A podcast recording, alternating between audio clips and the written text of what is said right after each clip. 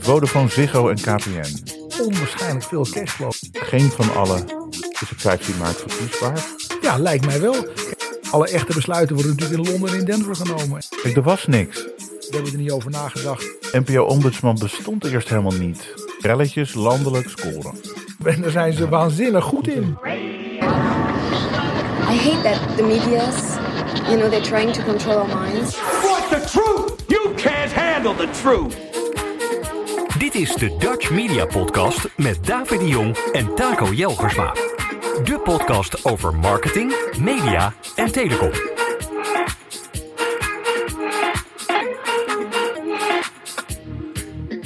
Met deze keer aandacht voor de resultaten van Vodafone Ziggo en KPN. We gaan het hebben over de situatie bij de NPO, verkiezingen en bijzondere opmerkingen in talkshows. We gaan het hebben over de geplande heffing vanuit telecompartijen voor bijvoorbeeld streamingdiensten. En verder gaan we het hebben over het nieuwskavel uh, bij de radioveiling en de lobby die wel of niet succesvol was. Um, we gaan het verder hebben over de Grand Prix Formule 1 die op de radio of via audio, kun ik beter zeggen, um, in feite terecht is gekomen bij DPG Media. Goedemiddag, David. Goedemiddag. We zijn vandaag 7 maart 2023 en we nemen de tweede aflevering op. Het is niet te geloven. Inderdaad. We gaan beginnen met Vodafone, Ziggo en KPN. Want die hebben uh, een paar weken geleden hun, of eigenlijk anderhalf week geleden, hun resultaten bekendgemaakt. En wat blijkt, um, er blijkt eigenlijk heel veel. Um, laten we eerst even Vodafone Ziggo kort bespreken. Ze hebben 3,7 miljoen betalende vaste klanten. Dat is inmiddels het afgelopen jaar gedaald onder de 50% uh, van zeg maar, de mensen die klant kunnen worden. Tegelijkertijd zie je dat uh, KPN inmiddels anderhalf miljoen glasvezel abonnementen heeft afgesloten. En in totaal ook 3,5 miljoen huishoudens bedient. Dat is iets minder dan uh, een Vodafone Ziggo.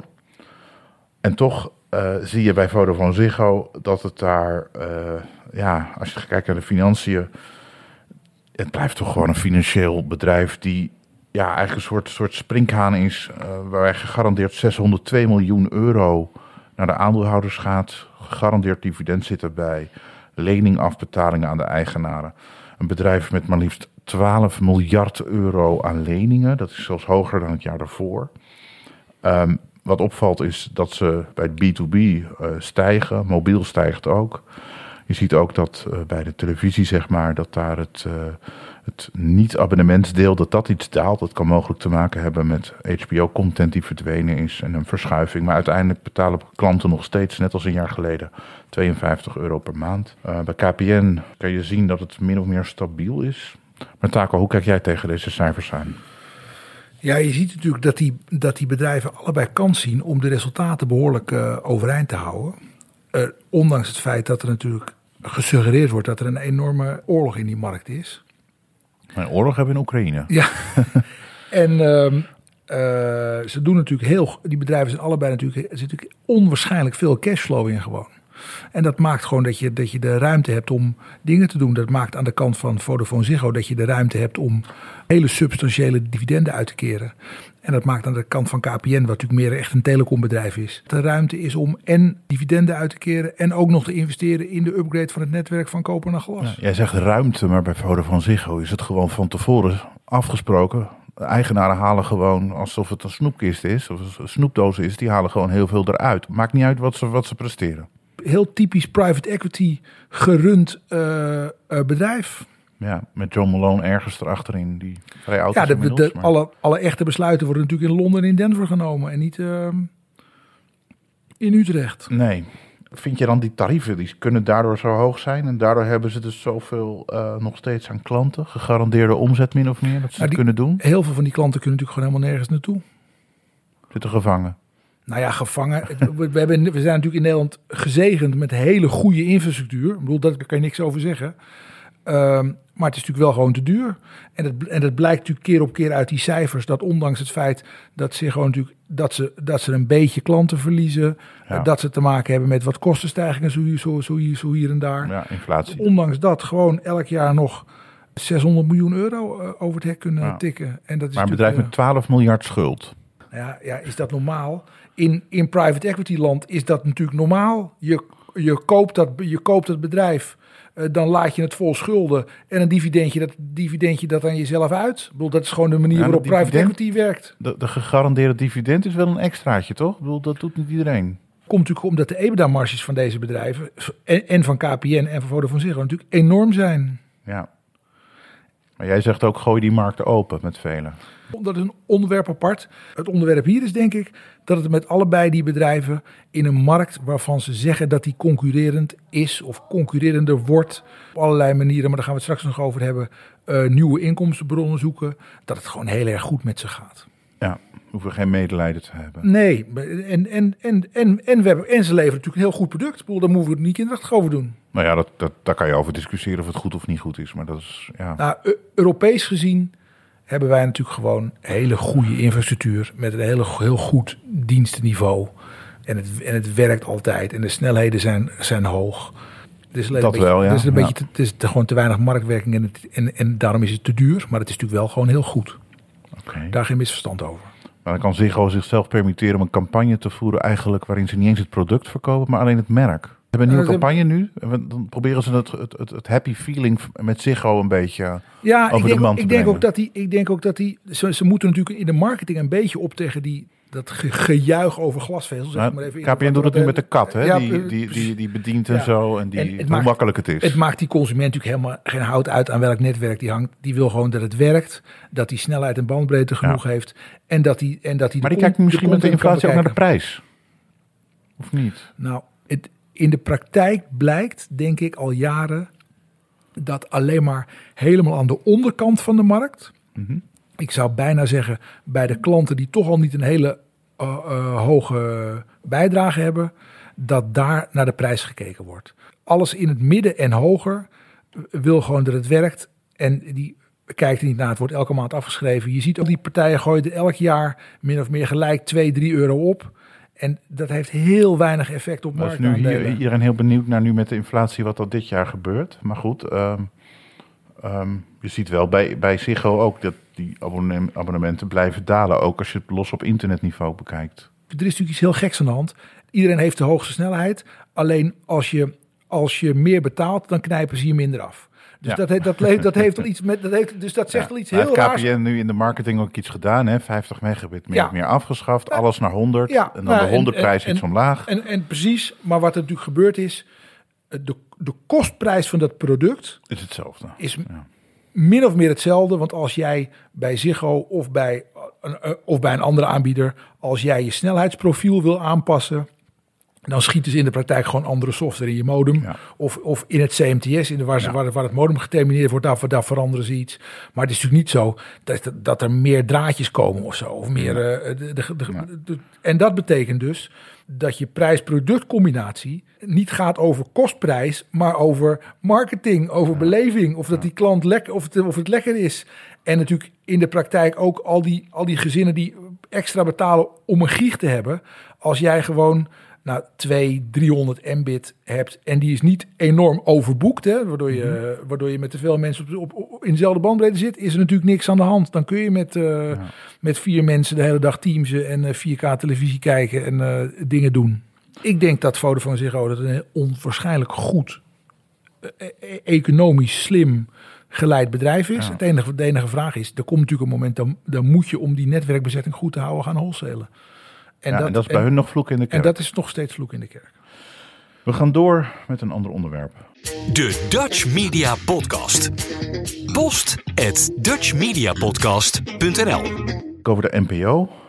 Bij de talkshow op 1 is Natasha Gibbs in feite, eh, samen met BNN Vara, op de vingers getikt. Eh, zij zei in een vraagstelling richting Gert-Jan Segers dat Israël een apartheidsregime is en zo genoemd kan worden.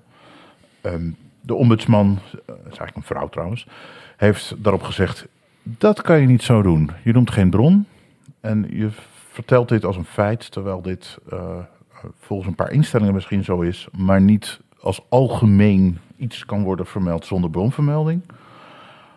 Dat is er gebeurd. Eh, oftewel, in een talkshow wordt niet meer die neutraliteit daarin, daarin ge- eh, getoond.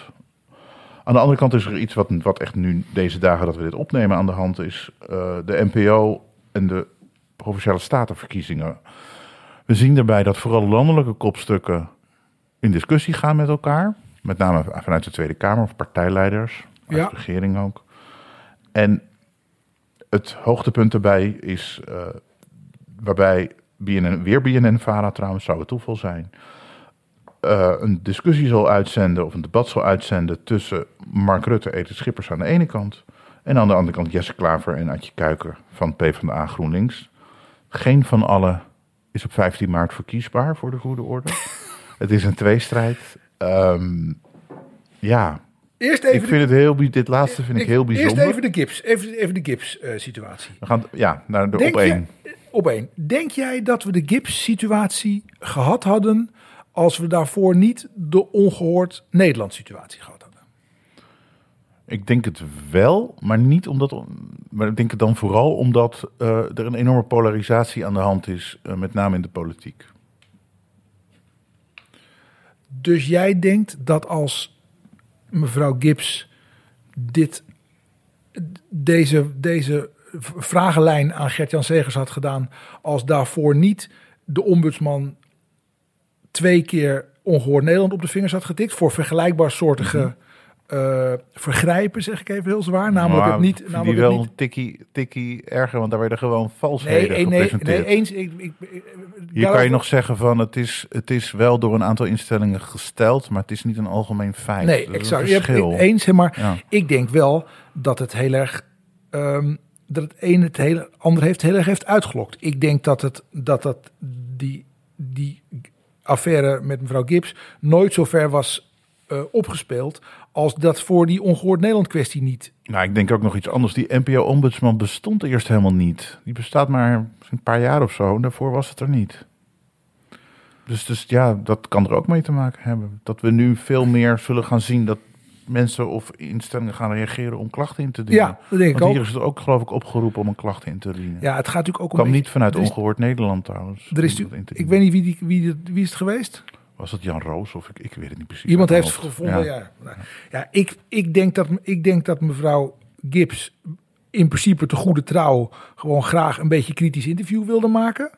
Nou, ze heeft het ook niet zelf verzonnen, die, dit. Het, is- vanuit de redactie. Het kwam vanuit de redactie. Ja. Dus ehm, Dus het was van eh, tevoren bedacht om dit zo te ik heb doen. Het, ik heb, het, helemaal, ik heb het helemaal- gezien. Ik vond ook niet. Ik vond ook niet. Ik dacht, dat ik dacht van, nou, daar moet je nou de Sonja Barend woord voor krijgen. Weet je, mevrouw Gibbs ver- ver- verdient betere redactionele ondersteuning, wat mij betreft. Ik vind wel dat Segers dat wel netjes deed. Ik heb het teruggezien. Ja. Ik vind dat hij er heel erg rustig over bleef. Eh, want ik, ik denk dat hij er niet verwacht had dat hij daar zo aangevallen zou worden op deze manier. Nee, dat niet. Maar het is iemand die wel in staat is op een rustige manier een weerwoord te geven. Dus ja. Ja, en het is natuurlijk een punt dat bij zijn achterban ook gewoon moeilijk ligt. Als je daar Geert Wilders had, had hebben zien zitten, die sowieso al niet snel komt. Maar ja, Nee. die gaat wel tekeer dan. Ja, ja, nee, het, het- is gewoon goed, het is goed, goed gedaan. En die klacht, echt een onwaarschijnlijke eh, eh, verspilling van eh, middelen. Als je ziet wat er, wat er bij de publieke omroep gebeurt, als we over al dit soort dingen straks. Ja, maar ze een hebben een ombudsman ombudsman ingesteld voor dit soort dingen. Ik bedoel, wat doet zij dan überhaupt? Snap je? Zij moet dingen doen waar klachten over Ja, binnenkomen. ja, ja, nee, nee. Als, als er een klacht binnenkomt, dan moet die behandeld worden. Maar denk je dat de ombudsman echt gaat bijdragen aan de journalistieke kwaliteit van de publieke omroep? Dan moeten we over twee jaar nog eens over terugpraten om te zien wat er allemaal binnen en hoe zij heeft gehandeld. Want dat is te, daar zit ze tekort voor.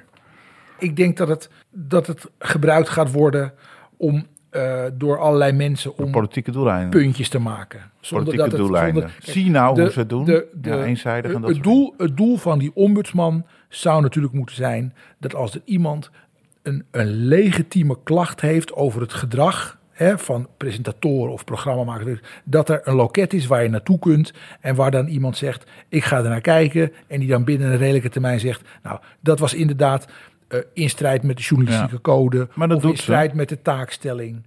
Maar je kan stellen, Ik wat jij dat doet, hier- dat doet ze. Want dat denk- heeft ze met Ongehoord Nederland gedaan, heeft ze hier ook gedaan. Ja, maar ik denk dat het, ik denk dat het in de praktijk had dit niet bij haar terecht moeten komen. In de praktijk had de volgende dag een presentator of mevrouw Gibbs zelf de volgende keer dat had moeten zeggen: luister, ik heb gisteren dat en dat gedaan. Het was niet smaakvol, het was niet handig, sorry. En dan moeten we gewoon met z'n allen door. Ja, maar dan heb je, ken je BNN-Vara, dat is brutaal van mij misschien, maar niet onvoldoende, want die is gewoon op de strepen gaan staan vanaf het eerste begin. Kinderachtig. Zeker bij de publieke omroep veel meer de cultuur komen je gewoon zegt: jongens, luister, was niet handig, we gaan verder. En als we nu al dit soort dingen, als we Dat is de essentie we- van publieke omroep ieder- in Nederland. Ja, Nee, maar ik vind namelijk een, een, een talkshow-host met een beetje mening, hè, of die een beetje scherp aan de wind zeilt, daar kan best een beetje leuke televisie vandaan komen. nou, bij BNN-Vara word je weggestuurd. Dat weten we allemaal met het programma Ja, de ja, ja. vooravond. Dus ja, ehm, ja. Maar dat, dat, wat ik eigenlijk veel interessanter vind, is wat, daar, wat er nu gebeurt met, met die provinciale statenverkiezingen. Heb jij eigenlijk, wij wonen allebei in Noord-Holland. Heb je, weet jij eigenlijk wat de standpunten zijn? Wie, wie, Nou, wie zit er daar aan tafel straks als het gaat Ik- om de verkiezingen? Wie kan je stemmen? Wat vinden ze? Hoe zit een Natuurlijk kan je het allemaal opzoeken op, eh, op de Precies. sites van die eh, eh, politieke partijen. Maar is daar ook media-aandacht voor? De publieke omroep zou natuurlijk in combinatie met regionale omroepen goede programma's moeten maken die de, die de kijker voorlichten in aanloop naar die provinciale Er was, statenverkiezingen. dat, dat en wat de we- vorige minister heeft zo'n regioblok geïntroduceerd op NPO 2 Ja. bij, eh, met de NPO. En wat gebeurt er uiteindelijk mee? Ik heb voor de grap, vind ik ook wel interessant voor die verkiezingen, heb ik voor de grap eens zelf proberen uit te zoeken. Noord-Holland, er zijn verkiezingen. Is er dan een debat binnenkort te zien of zo? Nee. Nou, ik kon het niet vinden. Nou, ja, ik ben mediajournalist. Ik heb, voor, ik heb dus uiteindelijk NH, NH Nieuws, of hoe heet het? Ja. Heb ik aangeschreven en gevraagd van, oké, is er een debat? Ja, ja, ja, komende zondag. Eh, is dat te zien met 23 partijen. En toen ben ik ook gaan kijken in het schema en daar stond er meet-up. Provinciale statenverkiezingen meet-up. Nou, met dat is dus een- 23 partijen. ja, met 23 gesprek. partijen die deelnemen.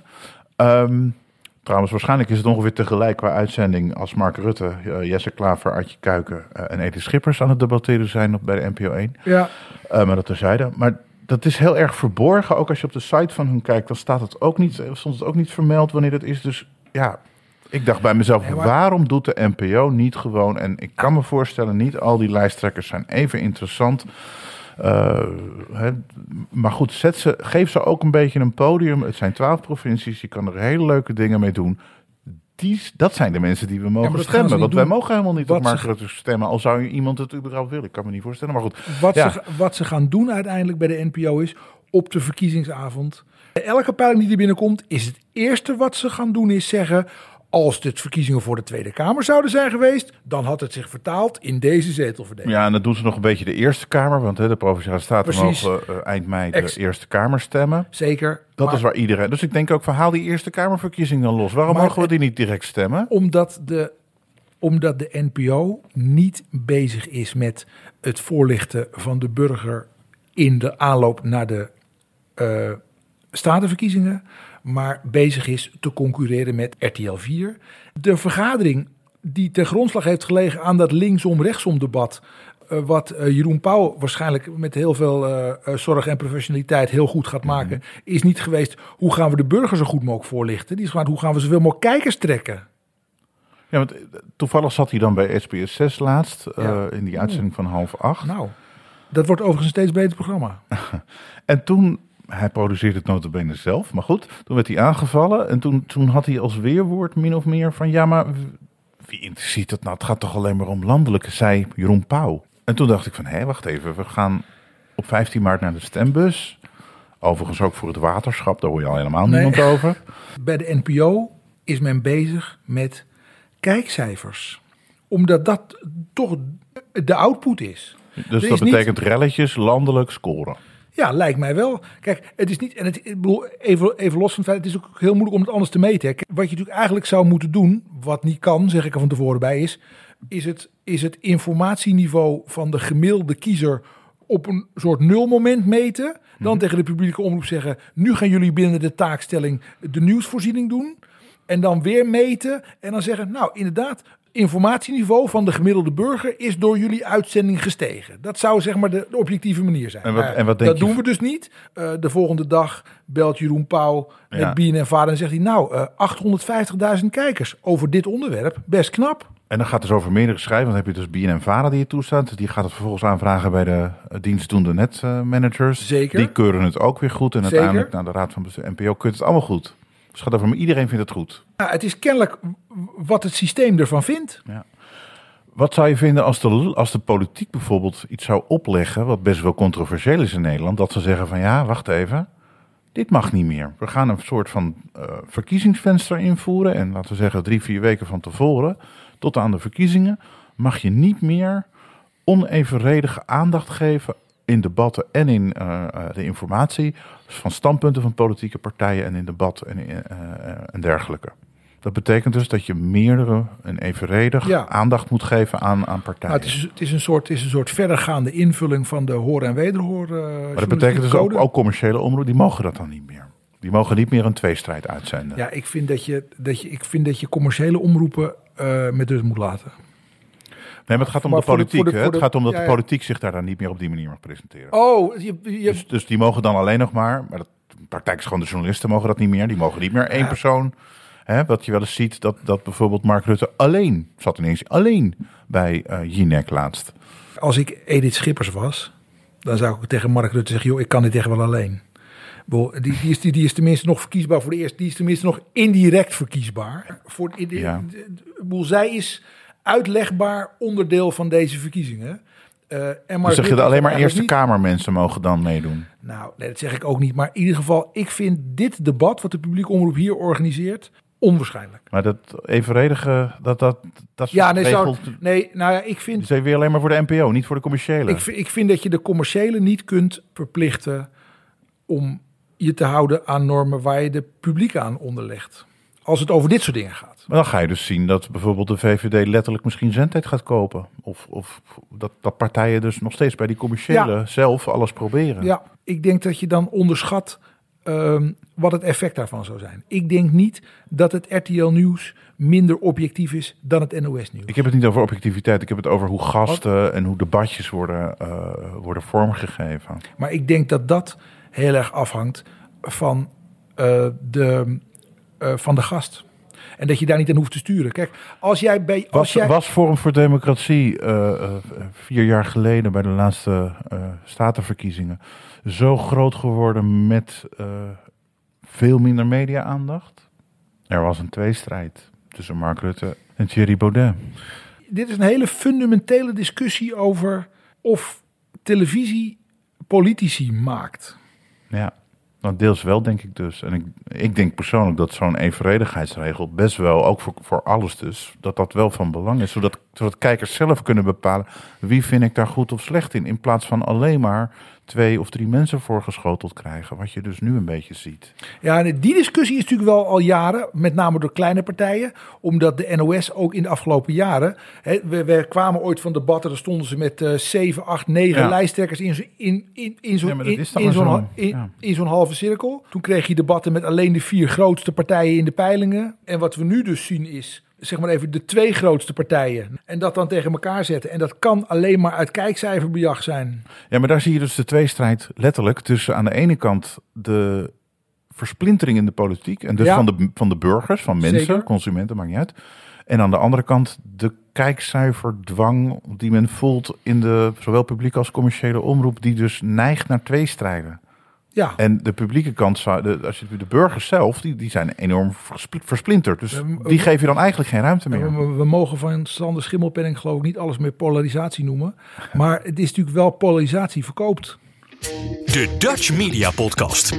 Informatie en een mening met een bite.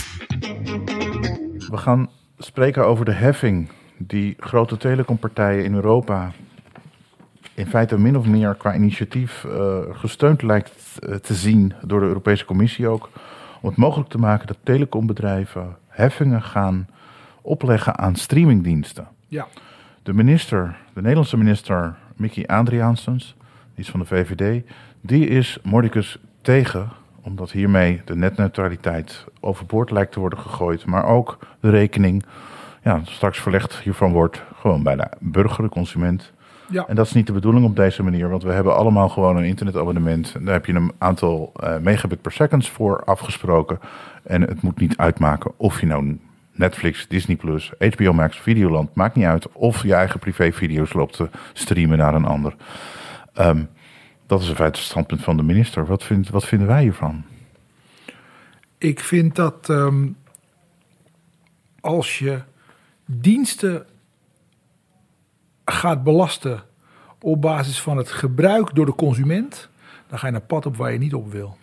Dan krijg je de oude doorgiftevergoedingen van. Dat van denk ik. Dus terug. ik denk dat je, dus als er, als er gewoon heel veel internetverkeer komt uit streamingdiensten, dan moet het altijd betaald worden aan de kant van de consument, zeg maar, die het internet afneemt. En niet aan de kant van individuele aanbieders. Dan ga je namelijk inv- invloed uitoefenen op het aanbiederveld. Daarom is netneutraliteit natuurlijk ook bedacht. Dan kan je bij wijze van spreken ook iets krijgen als van ja, maar wacht even. Wij- vinden u niet zo fijn, want u concurreert met onze diensten. We gaan een heel hoog tarief hanteren voor u. Dat Nou, soort het, bevo- dingen. het bevoordelen van diensten mag natuurlijk niet. Ja. We hebben natuurlijk gehad die, met die muziekdienst. Dan had je de eigen muziekdienst van T-Mobile. Die werd ge- gewitelist op je dataverbruik. Ja. Als je Spotify luisterde, ging het ten koste van je databundel. En als je de T-Mobile dienst luisterde, ging het niet ten koste Ja. van je databundel. Dat heet Nou, discriminatie. Ja, Dat, dat- en dat willen we dus niet. Kijk, het is natuurlijk een zoveelste poging van eh telecompartijen om marges te vergroten. Die dus extra omzet gewoon. extra, extra omzet te extra maken. geld binnen, binnenharken. En zij vinden kennelijk dat consumenten die Netflix kijken heel veel data verbruiken, dat Netflix daar aan mee zou moeten betalen. En dan is het wel grappig En, dat die... Dat, en dan gaat Netflix gaat dat natuurlijk in de prijs stoppen. Ja. Dat begrijp ik wel. Maar het is natuurlijk veel logischer om aan de kant van de werkelijke dataverbruiker, en dat is natuurlijk eigenlijk niet Netflix, maar dat is natuurlijk eigenlijk die consument die bezig is om iets van een Netflix-server af te halen, daar moet je natuurlijk belasten. maar en dat is je- nu allemaal fair use geworden. Ja. En, En- denk je dat dat dan gaat veranderen? Dat telecombedrijven zeggen van ja, oké, het was fair use. Maar ja, de wereld verandert en nu gaan we toch weer zeggen... U, als u dit verbruikt, moet u dat betalen. Als u meer gaat verbruiken, dan moet u dat Ja, betalen. Nou, er zijn natuurlijk, er zijn, in België is natuurlijk, ik weet, volgens mij zijn er in België nog steeds pakketten waar vaste, waar, waar er ook een limiet zit op je vaste data, de data, Oké, ver- ja, data, dat zou kunnen, Ja. Ehm, die consument moet gewoon betalen voor de snelheid van de toegang. Dus je zegt dus het einde van de fair use. Nee, ik zeg het einde van de fair use. Alleen ik zeg dat de kost aan de kant van de con- consument moet liggen. En als in het providerlandschap dus zou blijken eh, dat, het niet, dat, die, dat die consument over die fair use heen gaat, dan komt er waarschijnlijk natuurlijk een, een prijs waarbij fair use nog wel mogelijk is. Ik geloof nooit dat we teruggaan naar het afrekenen van MB'tjes op vast. Ja. Maar het is, een- wat ik nog wilde zeggen, is een beetje in tegenstrijd met waar eigenlijk alle tele, bijna alle telecomproviders hun promoties mee maken. Met het gevoel van ja, je kan alles streamen, je kan Ja, alles binnenhalen, tuurlijk, hartstikke leuk. Leven wordt mooier enzovoort. En dan, die- dan zeggen ze nu aan de andere kant, ja, daar willen we meer geld voor. Nee, maar die consument zit natuurlijk ook wel een beetje aan de bovenkant van de redelijkheid al. Dus er zijn eigenlijk twee soorten internetconsumenten. Consumenten in Italië die 35 euro in de maand betalen voor, eh, voor een gig internet. Nou ja, die, eh, eh, daar is de concurrentie groot. Aan de kant van de consument kan die telecom er dus niet halen. Ja. Of je bent in Nederland Je betaalt dubbele. en je, u op, eh, je, je, je betaalt al het dubbele. Dus, al, dus als je nieuwe omzet zoekt, ja, dan ga je eens een balletje opgooien aan de andere kant. Ik bedoel, Ik begrijp, Hm. Denk de dat gaat gebeuren? ik begrijp de poging wel. Denk je dat gaat gebeuren? Nou ja, de vraag is hoe de, als Europa dit wil doorzetten, ja, dan zou je dus misschien wel een soort generieke heffing moeten krijgen dan op videodiensten. Hè? Hè, dus als, je, Dat als, ik, als ik nou heel veel, stel even dat ik heel veel WeTransfer gebruik, om wat voor reden dan ook. Hè? Dat ik, dat ik, dat ik Ja. eh, enorme datablokken die geen video zijn de hele dag heen en weer. Ga ik dan ook betalen? Ik bedoel, hoe, de, hoe de Europese Commissie dit wil doen in relatie tot haar eigen regels voor netneutraliteit, is mij niet helemaal Het is echt duidelijk. een eh, moeras op die manier. Lijkt mij. De Dutch Media Podcast. Elke twee weken in je favoriete podcast app. Wij gaan het hebben over de radio. Ehm, de veiling is, terwijl we dit opnemen, eh, wat betreft de inschrijving daarvoor van de frequenties en de verdeling van die frequenties, eh, vandaag begonnen in die zin. Ehm, partijen kunnen circa een maand zich, eh, zich aanmelden. Tegelijkertijd is gebleken dat er vooral stille diplomatie was wat betreft radiosector richting de politiek. Op enkele uitzonderingen na. Een belangrijke uitzondering was eigenlijk eh, FD Media Groep, eigenaar van BNR Nieuwsradio. Die heeft in ieder geval met succes het, het percentage verplicht nieuws op het nieuwskavel weten te verhogen. Van oorspronkelijke plan 50% naar 70%. Ehm, Maar wat wel opvalt is dat zaken als hoeveel radiostations mag je bezitten, dat is teruggebracht naar drie. Het, ik weet ook niet, ik snap dat niet helemaal niet goed. Het geclausuleerde stations zijn teruggebracht naar twee. Hè, dus nieuws aan de ene kant en Nederlandstalige muziek aan de andere kant. Ja, Het is ook voor die geclausuleerde kavels is het een echte veiling. Dus je Ja. voldoet aan die minimumeis en er wordt niet meer gekeken wat je verder doet, maar je moet gewoon geld bieden. ja, En ik kan me gewoon moeilijk voorstellen dat er, dat er niet gepleit is voor een iets andere invulling. Politiek was eigenlijk ook allemaal akkoord. Er waren de rechtszaken en het ging allemaal, hè, het ging allemaal door. En niemand wilde eigenlijk wat zeggen. 20, we praten wel over 21 jaar geleden, zowat. Eh, Toen was er heel veel rumoer. Iedereen, de grootste schrijvers, die, eh, die kregen de aandacht ook. Eh, en, en er werd ook op de radio zelf eh, werd, werd het een en ander zeg maar, benoemd over waar ze het oneens mee waren. In de politiek waren debatten. Niet, bijna niets van dit alles. Het was een heel kort debatje waarin eigenlijk de, de meer rechtse partijen nog eh, de 12 jaar naar 8 jaar wilden doen. ja. Nou ja, dat haalde het niet. En er er was ook maar één eh, iemand die het woord voerde. Maar dat was het dan. Is er een radiopartij die gekregen heeft wat hij echt graag wilde? Die Ja, dat weet ik niet, want die platen niet.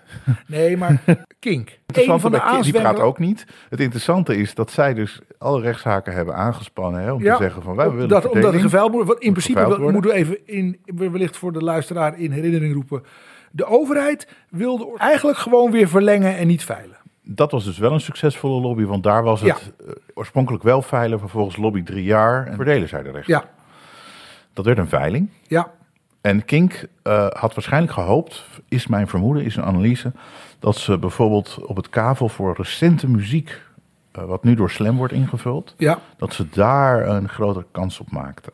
Maar dat kavel is afgeschaft.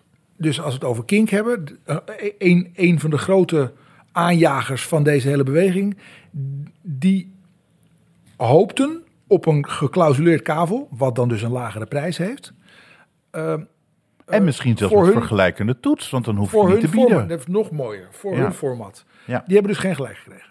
Dan, hè, die hebben niet, niet 100% gekregen wat ze wilden. Sterker nog, waarschijnlijk krijgen ze nu weer geen FM-frequentie. Ik weet niet, misschien zit er een stiekem een geldschieter achter, je Maar- weet het niet. Maar Nou, in ieder geval, in ieder geval de kans dat ze de met, kans is laag, ja. De ja. kans dat ze met, met hun format Met het huidige vorm het huidige kunnen, ja, kunnen, dat- kunnen bieden op een ongeclausuleerd kavel, wat anderen bieden op een ongeclausuleerd kavel, die kans is natuurlijk heel klein. En dit geldt voor meer stations. En, en even, even afpellen. De, de volgende is geweest DPG, die, zich, die, die uiteindelijk ehm, met Kink vond dat er opnieuw verdeeld moest worden. En daar vermoed is ook maar een vermoeden. Ik vermoed dat die wel min of meer blij zijn, want die kunnen hebben wel natuurlijk de kracht om te gaan bieden. Je ziet ook, ze hebben het eh, merk Joe met eh, een classic, zeg maar. Eh, eh, 80, of, nou, het is nu 70 en 80 jarige muziek, maar goed, dat kan je weer aanpassen. ja, dat hebben ze in de Randstad op FM even gebracht. De verwachting is dat zij met twee of drie kavels landelijk toch wel wat willen gaan doen. en, Net zoals in België. En zij kunnen dus... Ze hebben geld voor een één of meerdere ongeclausuleerde kavels. En Ja, de, net en zoals de, ze nu en- Q-music precies, draaien, En, ja. de, en, en de know-how om dat te doen. En het tweede is, het nieuwskavel.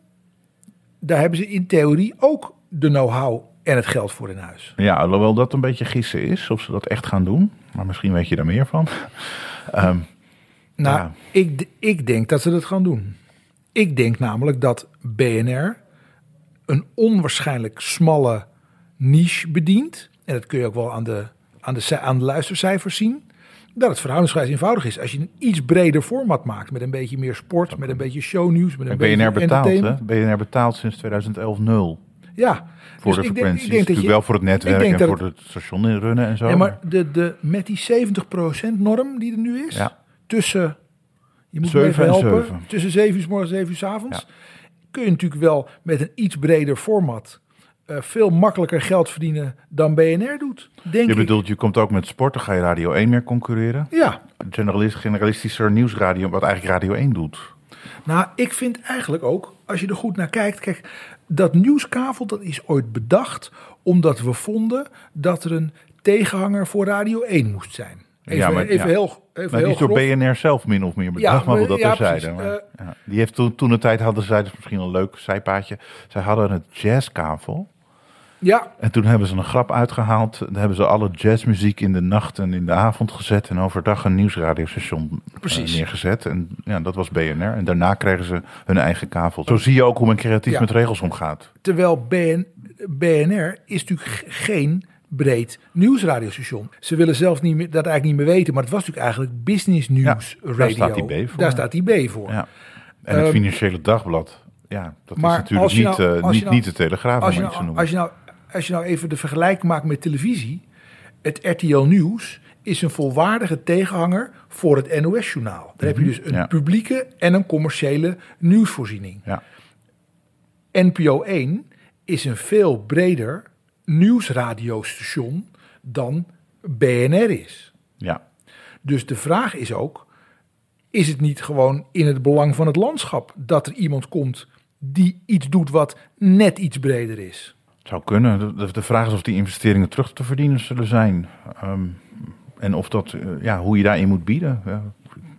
Kijk, Maar- DPG Media, kijk, het interessante is dat juist de NRC, als het gaat over audio en audiocontent, Heel heel, sterk is. Ja, zeker. Dus je zou eerder verwachten van ja, oké, dan gaat me- de, de eigenaar Mediahuis, die wil daar misschien iets, iets van maken, NRC Radio en NRC Nieuwsradio, whatever. Ja, Alleen, ik, ja, voor zover ik daar geluiden uit hoor, helemaal niet aan de orde. Ehm, maar goed, ik kan er wel, eh, natuurlijk wel eens naast zitten. Kijk, dat zou interessant zijn. Dat, dat, dat, want DPG Media is weliswaar ook met, met, eh, met het AD een beetje bezig, Ja. met de Volkskrant, noem maar op. Moeten ze ook weer een merk gaan uitkiezen? Wat, wat, wat gaan we doen? AD Nieuwsradio? Ik weet het niet. Het zou kunnen, maar ja, eh, kunnen we misschien gelijk ook het, vol, het Ja. onderwerp wat ik nog, nog had staan, in ieder geval daarin meepakken. Want ze hebben met Fireplay, die de Formule 1 rechten heeft, eh, heeft weten, te, weten te verkrijgen voor Nederland voor de audio, naast eh, video, hebben ze dus met DPG Media een deal gesloten dat DPG Media die mag exploiteren. ja, En die doet dat vervolgens niet op Q Music, niet op eh, Joe, maar die doet dat via internet, via ad.nl, op internet. Een hele aparte move vind ik, met de commentatoren van Fireplay dan. Dat, is, dat, dat zijn Nelson Valkenburg en Ja. Elroy Heemskerk. Eigenlijk weggekaapt die, die rechten van Olaf Mol en Alexander Stevens. Die een, ja eh, weggekaapt, weggekaapt. internet, zo zeggen ze dat. Zo zegt, ja, ik, las, ik las zelfs dat Olaf Mol gezegd had, ik word monddood gemaakt. Ja, nou ja, goed, hij gaat door, maar dan via België. Want heeft hij de Nederlandstalige rechten voor België weten te verwerven. En dan kan je met een U-bocht kan je dan nog steeds naar zijn Grand Prix eh, radio luisteren. Ehm, maar je ziet daar toch ook een beetje bewegingen met, met dit soort rechten. Dat, dat, dat is opvallend. Zou het dan uiteindelijk toch wel weer op een radiostation waar we het net over hadden Nou ja, kennelijk komen? is, kennelijk is het wel zo dat naarmate die content aan de televisiekant meer op gaat brengen, dat kennelijk die radiorechten ook interessanter worden. De Want Eredivisie die zit sinds het bestaat ongeveer bij radio. We hebben ooit Hilversum 2, maar Ja. bij NPO Radio 1 vandaag. Ja. Dus bij Langs de Lijn. Maar het zou veel- toch wat worden als dan Langs de Lijn de NOS niet meer die rechten heeft. Ja, ik begrijp niet waarom voetbal bij de publieke omroep zou moeten zitten. Maar dat zit het met live voetbal ook niet meer. Nee, maar de, de NOS betaalt nog steeds een heel substantieel bedrag per jaar Voor de voor de, voor samenvatting, de van samenvatting de van nationale competitie hebben. Ja, en die hebben die radiorechten natuurlijk. En die hebben die radio. Want er is ook niemand anders die dat op biedt. Nee, tenzij je straks misschien een eh, breed, eh, iets breder nieuwsradiostation hebt. En dan is het interessant dat nu die veiling is, er iets kan gebeuren met nieuwsradio. Ja. Maar in 2025 vermoed ik ook dat die radiorechten met Ja. de tv-rechten ook vrijkomen weer. Ja, volgens mij wel, ja. Dus dat is een, een mooie timing, zou je kunnen denken. ja. En kan je nu alvast met radio iets verzinnen. Ik met denk- andere rechten misschien. Ik denk dat ook al is BNR succesvol geweest in het omhoog krijgen van die clausulering, van die eis, zeg maar. Ja, Dus die- naar 70% dat het niet 50 meer een general interesting kan worden. Dat, ze het, dat de kans dat ze dat kavel houden echt klein Acht jaar is. klein. Echt, ik- Mark echt klein. Adriani moet op zoek naar werk, vrees je op 1 september. Nou, ik denk ook dat, ik denk dat het een hele goede vent is, dus die komt vast wel ergens aan de slag. Maar ik denk dat BNR, En alle medewerkers, want daar gaat het, die zullen meer last hebben. BNR Nieuwsradio, dat die echt zijn langste tijd gehad heeft. Ja.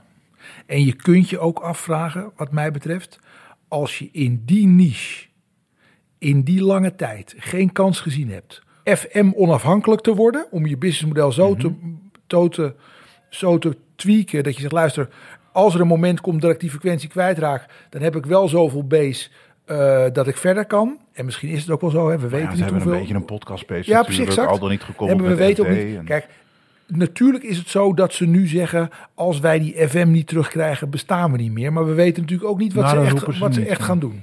Dat durven ze niet te zeggen. dat Nee, maar dat is natuurlijk wel een, een beetje. Dat is natuurlijk wel wat ze in de wandelgangen politiek een beetje gesuggereerd hebben. Van, eh, We houden op te we- we bestaan. houden op te het 50% bestaan als het, Ja. eh, Ik ben ook vooral benieuwd, want we hebben het nu heel erg over nieuwsradio, hoe het met die andere radiostations zal aflopen. Wat gebeurt er met Tappen Network? Wat gebeurt er bij Mediahuis met Sublime? Wat gebeurt er eh, bijvoorbeeld met, met Radiocorp, met Slam en, en 100% NL? Zijn Radiocorp is een klein partijtje eh, vergeleken met als je nu ineens een veiling in moet met een ongeclausuleerd kavel op, op het wat nu nog eh, recente muziek ja, ik denk dat, dat, het, dat het wel tijd wordt dat wij het dossier radio elke twee weken even laten langskomen. Gaan we het ook meer over die andere partijen hebben misschien? Ja, nou ja, de, de, eh, het, eh, Talpa blijft natuurlijk interessant wat er gebeurt. Ja. Eh, maar de voorspelling, ik denk dat we afsluiten met de voorspelling ehm, dat het de komende maanden geruchten blijft en heel veel radiostilte door de Ja, radiostations. dat was mijn conclusie ook. Ze zeggen niks meer. Oké. Tot half augustus, wanneer de boel losgaat. Want dan zullen ze waarschijnlijk heel veel willen zeggen. Ja. En wij nemen IJs en Wederdienende over twee weken weer op. En dan kun je dat weer beluisteren in je favoriete podcast app. We gaan over twee weken verder, eh, waar we in feite gebleven waren met nieuwe onderwerpen. En we hopen jullie dan weer te horen. Dank voor het luisteren. Officieel persbericht of gewoon iets te klagen of te lekken? Post at dutchmediapodcast.nl